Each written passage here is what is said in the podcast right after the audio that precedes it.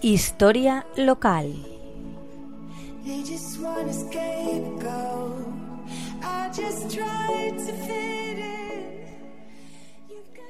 Buenos días, amigos de la Tegua Radio. Hoy, 18 de mayo, es el Día Internacional de los Museos. El Día Internacional de los Museos es un evento coordinado por el Consejo Internacional de Museos, el ICOM, que tiene lugar cada año alrededor del 18 de mayo. Este evento pone de relieve un tema diferente cada año y que está en el centro de las preocupaciones de la comunidad de los museos. Para la edición de este año 2020, el Día Internacional de los Museos tiene por tema Museos por la Igualdad, Diversidad e Inclusión. El objetivo del Día Internacional de los Museos, DIM, es concienciar sobre la importancia de los museos como medio para el intercambio cultural, el enriquecimiento de las culturas, así como para el desarrollo de la comprensión mutua, de la colaboración y de la paz entre los pueblos. Se viene celebrando desde hace más de 40 años los eventos y actividades planeados para celebrar el DIM, el Día Internacional de los Museos, pueden durar un fin de semana, un día o incluso toda la semana.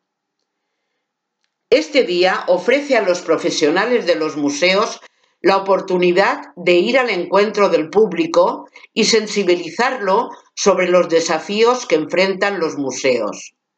De hecho, el ICOM define el museo como una organización sin fines de lucro, una institución permanente al servicio de la sociedad y su desarrollo, abierta al público, que adquiere, conserva, investiga, exhibe y transmite el patrimonio material e inmaterial de la humanidad y su medio ambiente, con fines educativos de estudio y placer.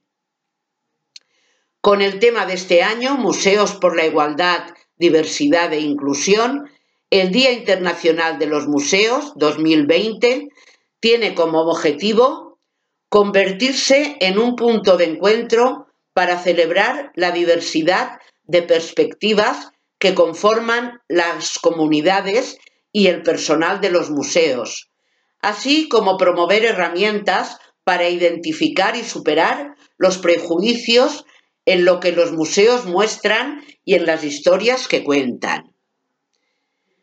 Este año, el Día Internacional de los Museos 2020 se digitaliza. A pesar de la actual situación de pandemia generalizada, el DIM 2020 se celebrará mediante la organización de actividades digitales y en línea. Pues un día muy especial, amigos, que hubiéramos podido aprovechar visitando gratuitamente cualquiera de nuestros maravillosos museos. Pues hasta la próxima ocasión, amigos de la Tegua Radio, un saludo muy cordial.